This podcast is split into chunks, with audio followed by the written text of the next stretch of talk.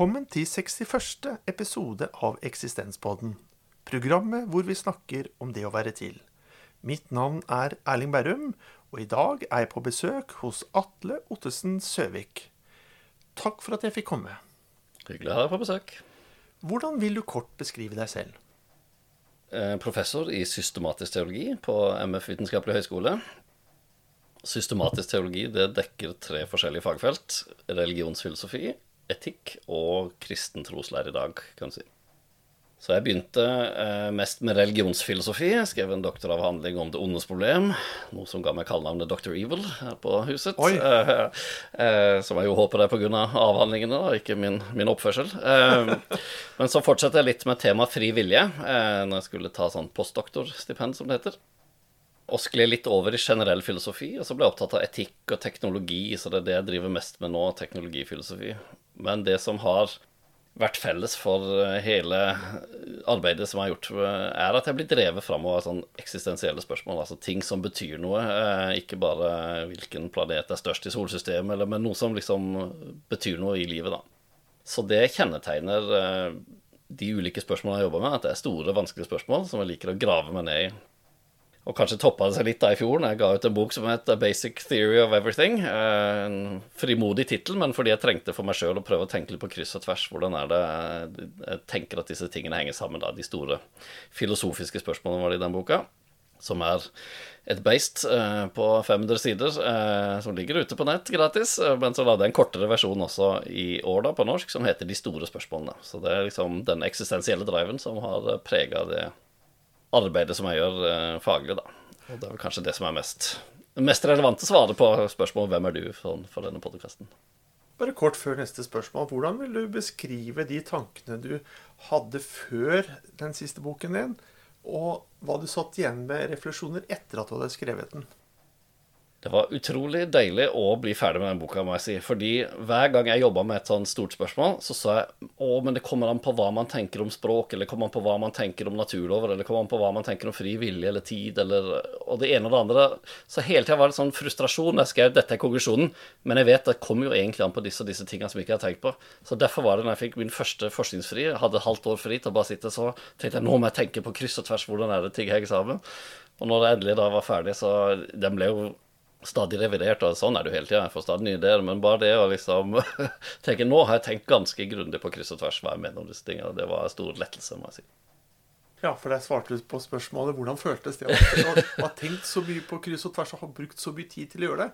Ja, nei, man kunne jo se for seg at jeg hadde stanga helt i veggen og det var forferdelig, så det var jo det å ha gleden av å føle at jeg oppdaga litt ting og tang. Og jeg har en slags oppskrift som fungerer ganske ofte, så hvis, hvis dere vil ha tips her på podkasten altså når, når det kjører seg fast oppi oppi hodet. Det skjedde mange ganger da mens jeg skrev denne boka. Så tenkte jeg nå drar jeg ut på en lang og sakte joggetur. og du, hvis du jogger så sakte og i en kjent rute, så at liksom tankene bare kan få sveve, sveve fritt, og ekstra blodtilførsel, da var det ofte mye som datt på plass. Altså. Så ut og, ut og jogge, folkens. Da, da finner du svaret. Hva tenker du kan være viktig å nevne om deg og ditt liv? Har det vært spesielle episoder? Eller erfaringer som har preget deg i spesielt stor grad og definert deg som menneske? Egentlig har det vært veldig sånn der eh, bare små revisjoner hele tida. Så jeg tror ikke jeg kan peke på noen sånne skjellsettende um, ting som det er viktig at folk skal vite om òg. Um, største forandringa i livet har sikkert vært å få barn, så det tror jeg er for mange. Men da med sånn hele livsperspektivet osv. Så, videre. så når det gjelder de tingene vi skal snakke om i dag, så tror jeg det er bare stadig, stadig på vei og stadig nye svar. Eh, så ja, jeg tror ikke jeg kan trekke fram noe spesielt. Du har også blitt bedt om å velge ut en grunnleggende dimensjon med det å være til som menneske. Og hva har du valgt som tema for dagens program?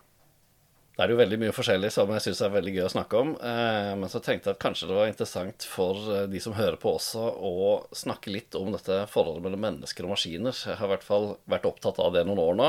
Og så har ikke folk vært så interessert, kanskje, men jeg syns jeg oppdaga mye mer interesse nå når folk oppdaga GPT4 og begynte å prøve litt sjøl og, og ble litt sånn imponert over hvor gode svar de kunne gi.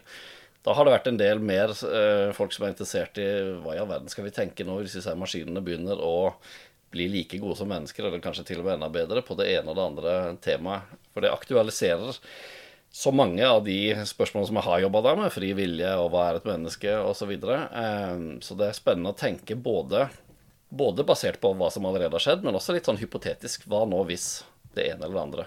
Eh, for sånn har det vært gjennom hele hele historien. At vi har oppdaga nye ting i fysikken, nye ting i hjerneforskning, nye ting i teknologi osv. som får oss hele tida til å tenke ja, men hva er nå egentlig et jeg eller en sjel eller fri vilje osv. Så, videre. så reviderer og reviderer og forstår vi mer og mer. Og nå får vi masse ny kunnskap fra denne forskningen på kunstig intelligens osv. som er en god anledning til å prøve å tenke gjennom hva er egentlig et menneske. Så det jeg har valgt ut, er kanskje mer et slags uh, temakompleks, kan du si. Altså menneske-maskin-forholdet. Uh, kan det hjelpe oss til å tenke litt om hva det betyr å være et menneske. Og så har jeg kanskje en, en slags kjepphest eller underliggende tanke eller et eller annet sånt med dette, da. Og det er at en del mennesker opplever det har har litt sånn motstand mot det å tenke at maskiner skulle kunne begynne å ligge, ligne mennesker. Altså, vi vil gjerne fastholde med det stor avstand og stor forskjell på menneske og maskin. Men så er jeg mer åpen for at ja, de, kanskje de kan det ene og det andre. kan maskiner få til like bra som oss, eh, eller få til lignende på, på vis som oss? Og da tror jeg at en grunn som ligger under eh, hos en del folk som er liksom ikke har lyst til å tenke gjennom disse sidene, er at de tenker at hvis mennesker viser seg å kunne ligne på Nei, hvis maskiner viser seg å kunne ligne på mennesker på det ene eller andre, så må vi konkludere med at ja, men da er det vi har sagt om mennesket, en illusjon eller feil. Altså da har vi ikke verdi, eller da har vi ikke frivillig. Hvis det viser seg at mennesker og maskiner er ganske like. For eksempel så sier han eh, Yuval Noah Harari i boka eh, både 'Sapiens' og så særlig 'Homo Deus'. Han sier at hvis det er sånn at sinnet vårt det er som algoritmer i en maskin, da, da, må vi skjønne at et jeg og et selv og fri vilje og menneskerettigheter det, det er bare illusjoner. Det er liksom konklusjonen han trekker. Og det mener jeg er en helt feilaktig Det går an å tenke på kryss og tvers på mange interessante måter om hva det betyr å være et menneske, hva det betyr å ha fri vilje eller verdi og den slags. Også om det viser seg at mennesker, nei, maskiner begynner å ligne på oss på, på disse områdene. Så jeg har ikke lyst til at folk skal Noen tenker hvis maskiner blir ganske like mennesker, da må vi senke menneskets verdi og si at alt vi har sagt om mennesket er feil. Vi må heller tenke nei, kanskje vi kan heve maskiners verdi, eller kanskje vi kan forstå en del menneskelige egenskaper på nye måter osv. Så, videre. så det å tenke litt sånn på kryss og tvers og nyansert her, syns jeg er spennende og interessant. Jeg vil jo si at det å skape en maskin som eh, kan gjøre det samme som et menneske i seg selv, er jo, sier jo ganske mye om mennesket selv, gjør ikke det? Jo, samtidig som det er litt fascinerende nå at disse folka som driver og lager de beste maskinene, de innrømmer liksom at vi skjønner ikke helt hva som skjer. Altså De har funnet en ganske sånn generell oppskrift for maskinlæring, men så er det maskinene sjøl som begynner å lage disse algoritmene og, og lage sånn de mer detaljerte oppskriftene for, for hvordan de skal, får til ting. Så derfor blir, blir de litt sånn overraska. Eh, de bare fòrer med masse data og sier prøv å systematisere dette, finne noen mønstre. Men så er det maskinene sjøl som finner mønstre og lager de mer konkrete kodene og, så videre, og algoritmene som de jobber etter. Så det er litt eh, Du kan si det sier om at mennesker er utrolig smarte, men på den annen side sier det kanskje litt også om at de har flaks, eller, eller det er litt vanskelig å vite hvor mye det egentlig sier om, eh, om mennesket. En del flere har jo blitt litt sånn obs på faren driver du nå og leker med ting du ikke helt sånn forstår. Hva om det forsvinner ut av kontroll. Så det er også en, en, side ved dette. da. Kan det være sånn at de blir mer intelligente enn mennesker, og til slutt så superintelligente at de ikke forstår hva de driver med? Og blir det i så fall farlig for oss mennesker? Så det syns jeg også er en spennende problemstilling. Ja, for jeg tenkte å bevege meg litt i retning av at, eh, at maskinen ikke er skapende. Men du sier jo nå jo, en maskin kan også være skapende. Og da lurer jeg på, vil den være skapende på samme måte som, som vi mennesker er? Ja, Det er jo spennende å spørre hva betyr å være skapende. Eh, for hvis skapende betyr bare å komme med noe nytt, eh, så har de jo opplagt gjort det. Altså, De lager jo masse nye ting. Eh, hvis skapende betyr å ha kontroll over, forståelse over samtidig er det vel ofte, hvis du spør en del kunstnere osv., så, videre, så vil de si ja, nei, jeg forstår det kanskje ikke helt selv. Det, det begynte å leve sitt eget liv. Eh, så kanskje det er mer parallell enn skulle tro. Men jeg vet ikke om du tenkte på noe spesifikt som tenker ja, men dette aspektet ved å være skapende, det må da være unikt menneskelig. Men det er sånn jeg liker å utfordre studentene mine også. Da jeg har hatt sånn kurs om etikk, menneskesyn og teknologi. Jeg prøver å si hvilke egenskaper er det du tenker mennesket har som er minst sannsynlig at en maskin skulle kunne få. Og så lager vi en liste, og så prøver vi å, å snakke da om, om hver av de egenskapene. Så det var planen min nå, kanskje, at vi kunne gå innom noen sånne standard type egenskaper. Men hvis du tenker på noe sånn umiddelbart første som du en, en, egenskap som du tenker er det mest uh, uaktuelle at en maskin skulle kunne få, så må du gjerne nevne det, så begynner vi der. Eller så bare kverner jeg videre på egen hånd. nei, nei, men jeg kunne gjerne tenkt meg at vi bare ble litt ved dette eh, et skapende menneske, og gjerne hvis også vi gjør det til en, en skapende kunstner, som eh, gjerne har en tanke og en idé om hva han eller hun ønsker å skape, ja, ja. Og, og, som ved å da kanskje også ha en, en egen identitet, en egen selvoppfatning, en egen eh, selvbevissthet og selverkjennelse som inngår i den tenkningen som bidrar til ja. det skapende, eh, så forestiller jeg meg nå, men nå er jeg forberedt på å kanskje bli overrasket her, men jeg forestiller meg nå at det har i hvert fall foreløpig ikke en maskin en så klart tydelig forankret enhetlig identitet. Ja, ja, ja. ja og det, det, som jeg ofte merker når jeg da igjen da spør studenter, eh, så kommer de med masse forskjellige eh, eksempler. Kan de føle dette eller gjøre slik eller det ene og det andre? Og da, da kunne det å skape vært på lista. Og så ser vi at veldig ofte så koker det ned til noen aspekter som er felles ved mange av disse egenskapene, som handler om eh, nettopp den der forståelsen. Men hvor jeg sier at vi bør skjelne mellom egentlig intelligens, forståelse og bevissthet. Eh, og jeg tror det er noe av det du er inne på også. Ja, men mangler ikke dette i, i det å skape? Og vi kunne sagt mangler ikke dette i å føle, eller osv. Så, videre. så hvis vi tar da og skjelner de tre tingene fra hverandre Intelligens, det er den første tingen som kanskje flere og flere nå er med på at maskiner kan være intelligente hvis vi med en intelligens mener evne til å løse kompliserte problemer. Så har de fleste tenkt så langt at eh, maskiner har en smal intelligens. Det fins noen typer problemer de er veldig gode til å løse, f.eks. sjakkspill osv. Men de klarer ikke generell intelligens, som er en sånn bred evne til å løse veldig mange forskjellige typer problemer, sånn som mennesker har. Men det er den store striden litt nå, da, eh, hvor noen sier det kommer de aldri til å få, mens andre sier til og med noen forskere mener at denne GPT4-modellen har begynt å vise tegn til generell intelligens, fordi den klarer å løse nye typer problemer med altså nye begreper og nye ting som ikke den har øvd på, og klarer å hente løsninger og konsepter fra én kontekst og putte det over i, i noe annet. Så, så de syns de ser liksom eksempler på at eh, maskinen kan få intelligens.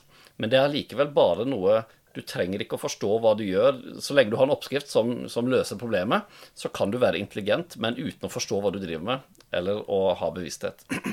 Så det neste temaet, Det er forståelse. Eh, å forstå noe betyr å kunne sette det i en sammenheng. Eh, for hvis, hvis, du ikke forstår noe i det hele tatt Hvis jeg sier se her, jeg viser deg en tenningsregulator til en bil, og du forstår ikke hva det er, aner ikke hvilken sammenheng skal dette høre hjemme i. Kanskje misforstår du det, du tror at dette her skal jo stå i, uh, i ovnen på kjøkkenet. Uh, da setter du det i feil sammenheng. Mens hvis du forstår det, så setter du det i riktig sammenheng. Du skjønner at dette hører inn i en bilmotor og funker sånn og slik. Forståelse, det har man da tenkt er en sånn unik menneskelig ting, uh, og som maskiner ikke har. og jeg er også for så vidt enig i, uh, men det kommer jeg til snart, uh, at vi ikke vil, burde si om noen maskiner i dag at de kan forstå noe. Men hvis vi lurer på kan de forstå noe i framtida, så er én ting som gjør det aktuelt eller sannsynlig at de kanskje kan det, det er at vi mennesker vi har veldig mye ubevisst forståelse. Det er veldig mange ting vi kan forstå ubevisst, og jeg liker å nevne noen eksempler på det, for det åpner åpner, eh, for en del i hvert fall, tanken om at oi, kanskje maskinene kan ha denne type intelligens eller denne type forståelse eh, osv. Når vi ser at mennesker kan gjøre avanserte tankeprosesser uten å være bevisst på hva, hva som skjer. Eh, og La meg da ta noen eksempler. Eh, bilkjøring er noe som en del har erfaring med. At de kan sitte og være i en engasjert samtale med sidepersonen uh, uten å egentlig legge merke til at de følger med på veien og skilt og tilpasser fart og, og, og hastighet osv. Uh, de kjører liksom på automatpilot. Og så sier forskere som uh, forsker på det, at det fins også en del mennesker som har bestemte tilstander. Eh, nå vet ikke om dette har vært på podkasten tidligere, med blindsyn og døvehørsel og den slags. Altså, det er noen som f.eks. vil si at eh, de ikke kan se noe som helst. Eh, men øynene deres funker. Så hvis du spør hva ser du, så sier de alt er svart. Mens hvis du kaster en ball til dem, så tar de imot den. Eller hvis du sier gå gjennom den labyrinten foran deg, så går de gjennom hele labyrinten uten å krasje med noen. Så de har ingen bevisst opplevelse. De har ikke en sånn subjektiv følelse av hva de ser, men allikevel så registrerer hjernen alt, så at de ser på en sånn ubevisst måte. Priming er noe som mange kjenner fra reklame osv. At du får sånn eh, Du blir vist noe så raskt at ikke du får noen bevisst opplevelse av det, men så blir du påvirket. Man, skjønner, man kan gjøre tester som gjør vi skjønner at hjernen din har registrert det. Hvis du viser en del eh, De har gjort f.eks. For eh, et forsøk hvor unge menn får se bilder av nakne damer så raskt at de, de har ikke noen bevisst opplevelse av men så måler de fysiske ting som OK, vi skjønner at hjernen har sett, har sett en naken dame på dette bildet, selv om det gikk veldig fort. Da. Og så har du ganske avanserte avanserte forsøk, f.eks. For ett hvor folk skulle løse en oppgave, og så avhengig av hva de svarte på spørsmål, skulle de trekke kort fra bunke A eller B. Og Etter hvert så merka de at eh, de drev og trakk fortsatt feil. De hadde ikke skjønt oppgaven, men de så at hver gang de skulle til å trekke feil, så begynte de å svette på armen. Mens når de trakk riktig, så svetta de ikke. Og det eneste forklaringa på dette kunne være at hjernen har allerede ubevisst nå løst gåten, og liksom eh, tar det med ro når du trekker riktig, men svetter og blir stressa når du trekker feil. Og, og enda et eksempel når jeg sjøl løser kryssord og, og, sitter fast. Eh, så kan jeg gå lenge og ikke tenke noe på kryssordet. Kommer jeg tilbake, så kan jeg med en gang løse masse ting. For da har hjernen min jobba og testa ut ordkombinasjoner. Altså. Så mange ting som vi er vant til å gjøre bevisst, og derfor tenker dette må man jo ha en sånn opplevelse av. Og så lærer vi av hjerneforskning oi, det går an å gjøre veldig kompliserte og avanserte ting og tang ubevisst. Og da virker det som hjernen bare gjør det på egen hånd. Og hvis det kan funke som en fysisk prosess i en hjerne, så kan det kanskje også fungere som en fysisk prosess inni en maskin. Det er i hvert fall noe som åpner liksom, tanken Ok, kanskje de kan forstå. Det mangler kanskje et subjektivt jeg der, så vi burde kanskje ikke kalle det forståelse i full forstand, men kanskje ubevisst forståelse. At maskiner kan liksom snylte på mennesker og det vi har gjort, og forstå i betydning sette ting i rett sammenheng. da, Svare riktig på spørsmål osv. Men jeg burde snakke litt om bevissthet, for det var egentlig det tredje, eh, tredje tingen. For det kan også være litt forvirrende å høre snakk om bevissthet hvis man er vant til dagligtalens eh, ord bevissthet, altså å være bevisst eller å være våken, ikke være i koma. For i filosofien så betyr bevissthet altså, eh, og kanskje det har vært tema på podkasten før, men eh, da betyr bevissthet dette å ha en sånn subjektiv, kvalitativ, fenomenologisk opplevelse av hvordan noe er for deg. Så derfor er den mest standard filosofiske definisjonen av bevissthet i bevissthetsfilosofien en litt sånn rar definisjon fra en som heter Thomas Nagel i 1974, som sier at bevissthet det er at noe er som noe for noen. For vi tror at en stol eller en kaffekopp Det er ikke noe for den stolen eller for den kaffekoppen å være en kaffekopp. Det er liksom ikke som noe for de å høre på jazzmusikk eller sånn, men, men, det er som noe for meg å høre på jazzmusikk da, eller lukte kanel eller være Atle. Så den der subjektive opplevelsen, den er det vi er ute etter når vi snakker om bevissthet. Og den er det eh, knapt noen som tror at maskiner har i dag. Men det store spørsmålet er om de kan få det i, i framtida. Eh, og det er sånn bredt anerkjent at ingen vet hvordan eh, sammenhengen mellom hjernen og bevisstheten er.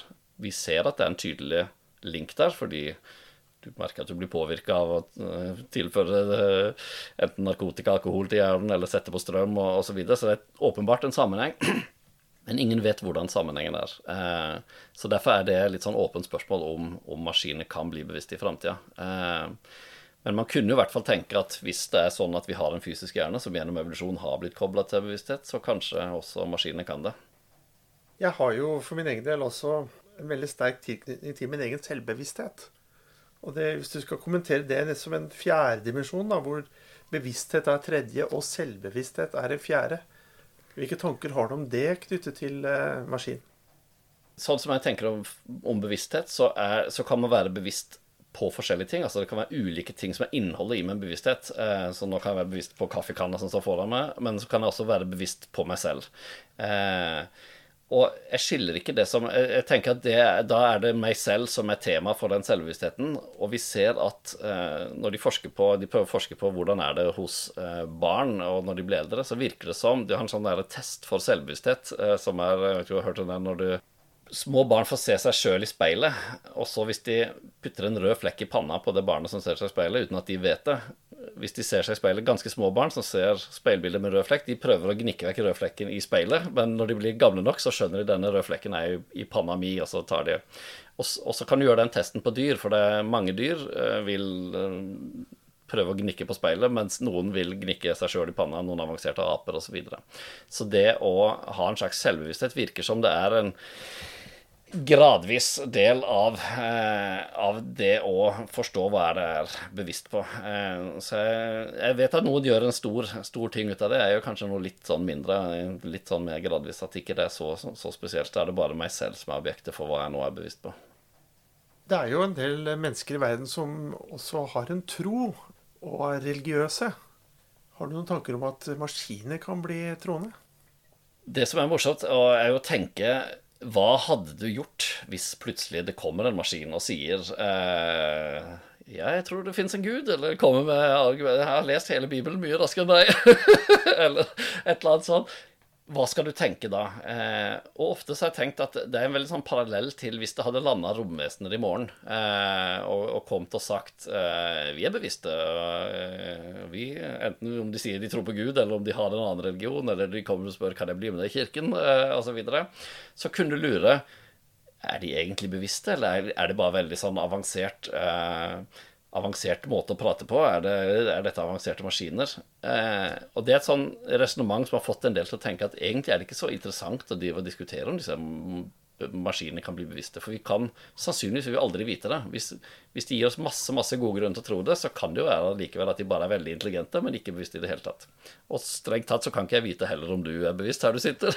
Men fordi du er så lik meg og sånn, og jeg har den opplevelsen sjøl, så antar jeg at du også har det. Og da er det vanskeligere med maskiner eller romvesener som måtte, måtte lande. Men hvis de nå sier eh, 'sånn er det', eh, og de sier det, og de svarer liksom fornuftig på alle spørsmål vi måtte stille, så er det veldig vanskelig å, å komme med et godt argument for at 'nei, da må jeg avvise det'. Eh, så igjen vil jeg liksom være prinsipielt åpen. Så må vi spørre hva er det å tro, da? Eh, for en religiøs tro er ulike aspekter av det her. Å tro at noe er sant, og så er det å tro eh, å ha tillit til Gud, ønske fellesskap med Gud. Det er mange sånne sånne ting. Så noen dimensjoner av det vil aktivere dette med følelser og bevissthet. Og det virker rart å skulle si kan du menings, på en meningsfull måte ville ønske, ha et motiv, ha ønske osv. Om, om noe hvis du ikke er bevisst. Så vi må kanskje stille spørsmålet gitt at du er bevisst. Gitt at du er bevisst, så vil jeg tenke ja, da kan jo også eh, maskiner ha en tro. Og i så fall, hvis det finnes en gud som har skapt virkeligheten og lagt den muligheten ned, så vil ikke jeg liksom avvise og si nei, det kan ikke stemme. Eh, mens hvis de ikke er bevisste, hva skal vi da tenke om det å ville ha et fellesskap, det å ha følelser og, og, og sånn? Der er det, og det er en sånn typisk diskusjon som vi har også, kan maskiner elske, eller kan de, eh, kan de eh, ville ha vennskap, osv. Der er det den som sier nei, det kan de ikke, fordi kjærlighet forutsetter fri vilje vi tenker automatisk at det er sånn, fordi hvis en dokke eller en maskin sier 'jeg elsker deg, jeg elsker deg', og jeg programmerte det, så er ikke det kjærlighet. Og det er riktig, det er det ikke. Men hvorfor er det ikke det? Er det fordi at kjærlighet er noe du må velge?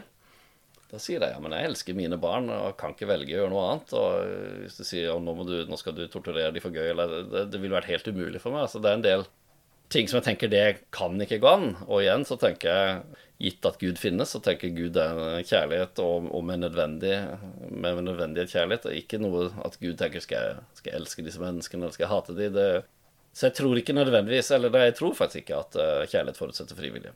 Men uh, det som gjør at vi tenker at uh, kjærlighet krever frivillige, er at kjærlighet forutsetter at noen elsker meg høyere enn noe annet. Eh, og det betyr at eh, hvis en person elsker meg, så kjenner jeg at du har mer lyst til å være sammen med meg enn en del andre. Du, har, du verdsetter meg og anerkjenner mitt selskap og så videre over noen andre. Eh, og det samme gjør jeg når jeg elsker deg. så har Jeg mer lyst, jeg vil at vi to skal være sammen, og jeg vil at vi to skal ville være sammen med hverandre. En slags sånn gjensidig anerkjennelse, gjensidig verdsetting. Og da lurer jeg på om også maskiner, hvis de ikke er programmert til å gjøre akkurat sånn, men hvis de kan få lov til å gjennom læringsprosess eh, finne ut at det er noen ting de foretrekker. Hvis de kan være ute i ulike kontekster, altså at en maskin kunne begynne å Hvis ulike maskiner likte ulike ting, og så var det en maskin her som likte deg bedre enn andre, så ville du kanskje kunne begynne å føle et slags sånn anerkjennelse og et sånn fellesskap med, med også en robot. Det er det i hvert fall en del som sier at uh, de har forska på sånne forhold, særlig mellom soldater og roboter, hvor, eh, hvor de opplever at en robot har liksom eh, redda de i felten, og så vil de sjøl redde tilbake. For det, de har utvikla spesielle forhold. Denne roboten kjenner vår gruppe og har gjort. Så oppstår det ganske sterke bindinger da, mellom mennesker og roboter, som er eh, Som har igjen en del sånn overlappende trekk. Det er kanskje det jeg ofte vil si at eh, som regel når vi snakker om disse begrepene, så må vi skjelne mellom en slags bevisst og en ubevisst versjon av det. De har en del felles, det overlapper en del, og så er det samtidig noen forskjeller. da. Eh, men det er spennende å utforske. ja, for jeg tenkte jo noe her kan også bare være intelligens i, i det du, du, prater. At det, det, er både smart og fornuftig å, velge å knytte seg til noen ja. enn andre. Ja, jeg er enig. Og eh, Altså, eh, hvis vi skjelner da mellom eh, bevisst og ubevisst versjon, så kan du si at eh, i full forstand så er veldig mye av det vi snakker om, vil kreve at de faktisk har en bevissthet. og så får vi den utfordringa at hvis maskinene blir bevisste, så har vi god grunn til å tro at den bevisstheten vil være veldig forskjellig fra vår. Fordi vår innholdet i vår bevissthet er veldig prega av evolusjon. At vi ting som er bra for vår overlevelse, eh, mat og drikke og sex osv., det eh, vil de fleste mennesker synes er godt. Det å få en kniv i magen eller brenne beina, ting som er farlig for oss, Det syns vi er vondt. Men maskiner vil jo ikke ha noe grunn til å skulle like mat og drikke eller ha sex. Eller de vil, burde ikke være redde for å få en kniv eh, ja, Eller komme an på, da. Men, men eh, sannsynligvis så vil da en maskinbevissthet være veldig forskjellig fra vår. Og vi har en del grunner til å tro at det finnes veldig mye forskjellige mulige bevisste opplevelser som er helt annerledes enn det mennesker pleier å oppleve. For det er en del som driver og utforsker. De putter magneter i fingrene i kroppen, og så får de nye typer bevisste opplevelser av magnetfelt rundt omkring. Eller noen som gjør sånne eksperimenter, og de kan se nye typer farger som ingen har sett før. Eh, og det ene og det andre. Så det kan være at vår hjerne er kobla på noen begrensa typer eh, bevisste opplevelser som har funka godt i vår setting. Vi ser det elektromagnetiske lyset som er mest av. Der ser vi farger, men det er masse elektromagnetiske bølger som vi ikke ser, men som kanskje andre ser. da, Flaggermus som hører ekko osv. Så, så, så det kan godt være at hvis maskiner blir bevisste, så får de en helt annen type bevissthet enn oss. Og da er det litt vanskelig å vite hva, hva er det du føles. Føles dette godt? Føles dette vondt? Eh, det vil bli vanskelig for oss å forstå det i det hele tatt. Og da må vi igjen egentlig skjønne Eller vi må prøve å forstå det så godt vi kan. Og så må vi finne ut ligner dette så mye på det vi kaller kjærlighet, eller at det er verdt å kalle det, eller er det så forskjellig at vi burde kalle det noe annet? For du var jo innom eh, emosjoner her. Og det med en tåre, en vemodig tåre ned fra en eh, maskins kinn ja. Det har jeg litt vanskelig for å forestille meg. Det har vel vært noen sånne Terminator-filmer? Hvor, hvor, jeg tror de har gjort det. ja, ja, ja. I know now why you cry, sier han på slutten. Terminator 2, ja. ja. Um, også når det gjelder følelser og emosjoner, så er det nyttig å skjelne mellom en Eh, her lener jeg på med en sånn hjerneforsker som heter Antonio Damasio. Så sier vi egentlig skjeller mellom tre ting. Du har emosjon, som i det fysiske som skjer rundt i kroppen. Da er det diverse hormoner og ting og tang som går rundt i, i kroppen. Og der skjelner vi gjerne mellom seks sånne hovedtyper som gjør at jeg kan eh, Han sier jeg kan skanne kroppen din og si omtrent hva du føler. Eh, og det er ganske sånn grovkorna. Det er sånne ting som blir sendt rundt i kroppen for å gjøre deg klar for f.eks. hvis du må til å flykte og tri, ja, det ene og det andre. Eh, men så sier han følelser. Det er derimot et område i hjernen eh, som da prøver å tolke og forstå. Gir en representasjon av hva skjer i kroppen min nå. Jo, jeg er redd, eller jeg er sint, eller lei meg, osv. Og, og de kommer i en bevisst og en ubevisst variant, vil han si da. Du har, kan ha bevisste følelser og ubevisste følelser. Sånn at eh, den bevisste følelsen tenker jeg fortsatt at uh, bevisste maskiner ikke har. Ubevisste emosjoner og følelser kan ha en funksjon. Uh, og, og, mange vil jo si det er nettopp grunnen til at vi ser menneskers følelser i ansiktet, er nettopp fordi de har denne kommuniserende funksjonen. Du skal vise meg den tåra. Altså, det, det, er ikke sånn at knærne dine blir veldig glade altså, når jeg ser på knærne dine hvordan du har det. jeg ser det i ansiktet ditt fordi vi, vi kommuniserer.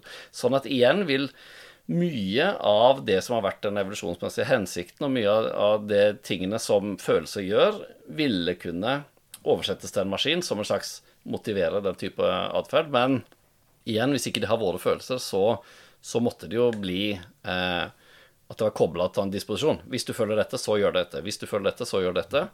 Men det er en del som har den teorien om menneskelige følelser. At det er nettopp sånne disposisjoner. Hvis, hvis så. Litt sånn algoritmisk tolkning av også følelser, da. Så igjen får du stor overlapp, men også en forskjell både med bevissthet og eventuelt hvordan den bevisstheten føles. En følelse jeg kan se for meg en maskin har, det er jo stress. Ja. ja, at den blir stressa. Det, det, er noe med kapasitet og prosesser som går litt galt. Og da vil jo det være et, på en måte et maskinelt ubehag, kanskje. Ja ofte er jo en sånn nøkkelgreie er jo om det noe føles godt eller vondt. Og, og ut fra alt vi vet, så har jo ingen maskiner noen bevisst opplevelse av smerte eller glede. Og det er vanskelig å se for seg at de skulle ha noe, at det skulle være noe poeng at de skulle få det. Det virker som det er sånn det har blitt løst for oss. Og dermed vil det jo være mye som kanskje er så ulikt, hvis vi skal begynne å snakke om ansvar eller straff. Eller kan du straffe en robot hvis ikke den føler noe? Altså Kan du si straffe på en annen måte? At du kan si da blir du ødelagt, eller da blir du Men eh, jeg er enig i at eh, og, Så det er hele tida vi må holde litt for oss. Og om vi snakker om maskiner i dag, så vil jeg si stort sett de er kjempeforskjellige fra mennesker på alle mulige vis. Så nå driver vi og spekulerer litt hypotetisk inn i framtida. Er det noe de kan få i framtida, eller er det noe som er klin umulig? Og, og, de ting du tar opp her da med bevisste følelser, det er nok det som er lengst unna, ja. Fordi um, det skulle ikke være de, de, hadde ikke trengt å gå den veien vi har gått, da, via disse følelsene vi har. Hvis vi snur litt på det, og vi ser på mennesket som en maskin, har du noen refleksjoner omkring hva som også kan definere oss som en maskin? Hva som kan defineres som en maskin, ja, det er interessant. Eh, for ofte så tenker vi vel kanskje eh, at med en maskin når vi snakker om maskiner, så snakker vi egentlig om en datamaskin. Vi snakker ikke om en uh, dampmaskin. Selv om det var spennende å snakke om mennesker som en klokke og mennesker som en dampmaskin. Og det tror jeg Einar Øvrenger nevnte. Uh, men det er datamaskin vi snakker om.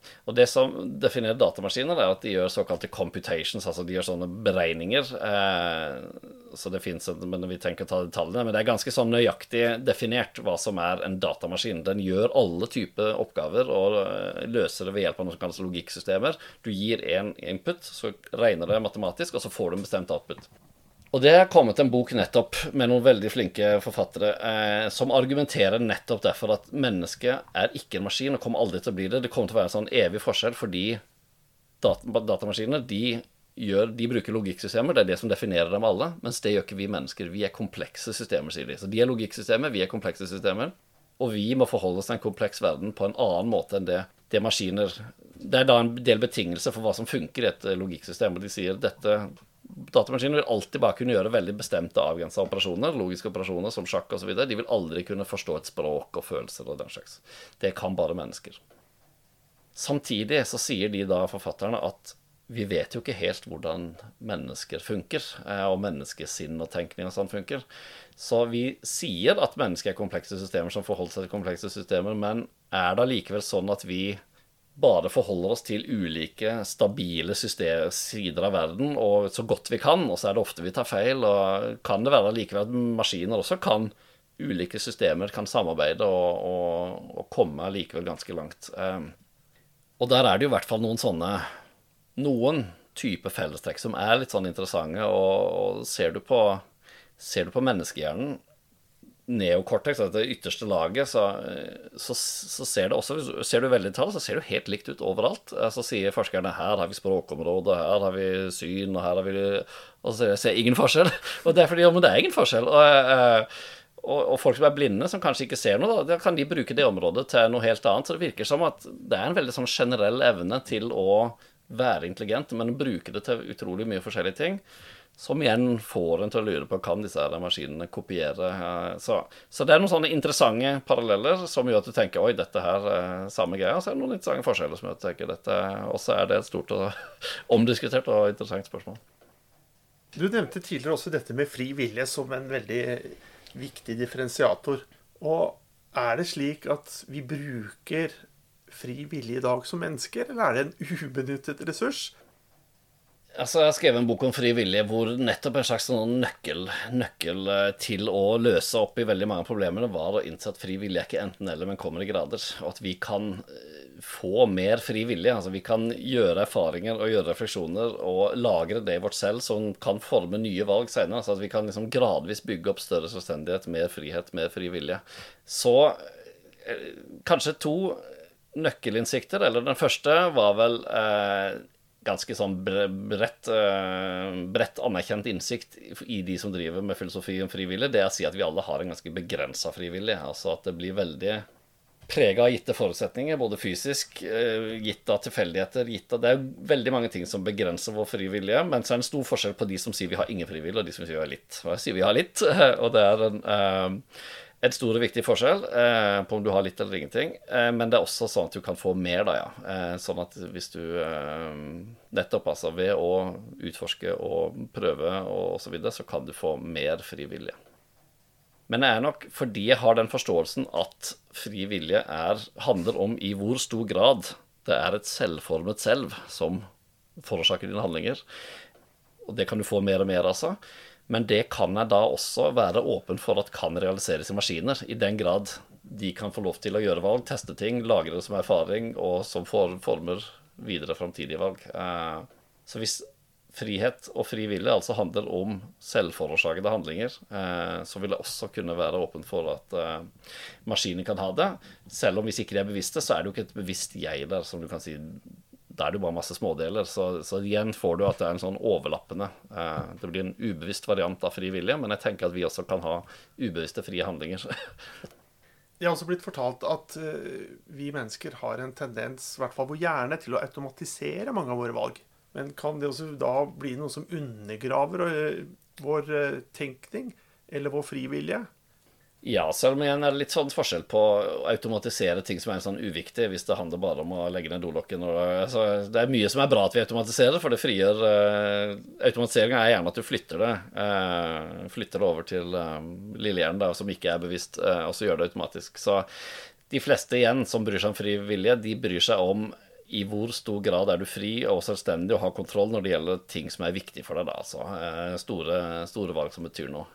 Og da går det jo sikkert an å automatisere noen av de. At vi gjør bare det som alle gjør. Vi gjør bare det vi ser, eh, den slags. Og da, da sklir vi litt over i teknologifilosofien, hvor, hvor, jeg mener at mange tenker fri vilje handler om å kunne gjøre det du vil. Og så sier jeg nei, det handler om å kunne ville det du vil. Og hva er det som gjør at du vil det du vil? Eh, for disse maskinene og algoritmene er i veldig stor grad med på å påvirke hva vi oppfatter som de aktuelle handlingsalternativene.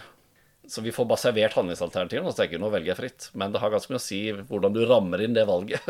hva som blir eh, forstått som de aktuelle handlingsalternativene. Så det å reflektere litt over hva er de aktuelle handlingsalternativene, hvorfor er de sånn eller slik, det er også en del av hele prosessen med å bli et selvformet menneske og fritt.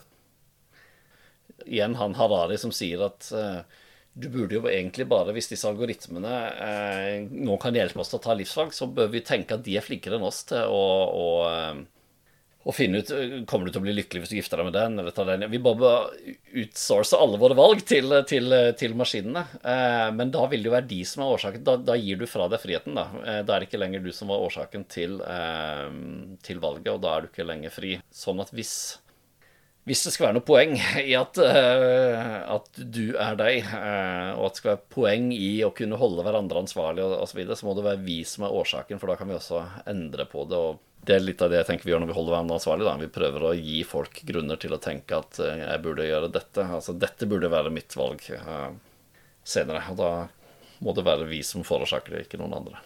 Vil du gå så langt som å si at dersom vi gir fra oss friheten, slash valgene, til maskinen, og så gir vi fra oss også det å være menneske.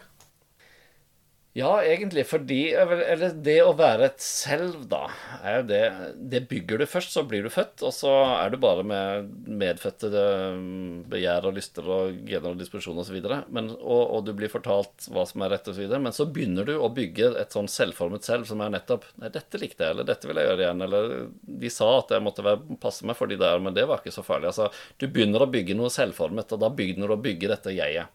Altså hvis du, som du, som du, sier, hvis vi hadde gitt vekk alt, la bare maskinen bestemme for meg, så hadde du på en måte blitt en en container for følelser og tanker, da. Men det var ikke lenger et, eh, et, eh, et jeg som satt der og var piloten. For det er nettopp det å være den, der, den prosessen hvor det er en, et selvformet selv som ruller. Det, ja, nei, det er det som er et selv. Godt sagt, egentlig. ja. Da er vi på slutten av dagens episode.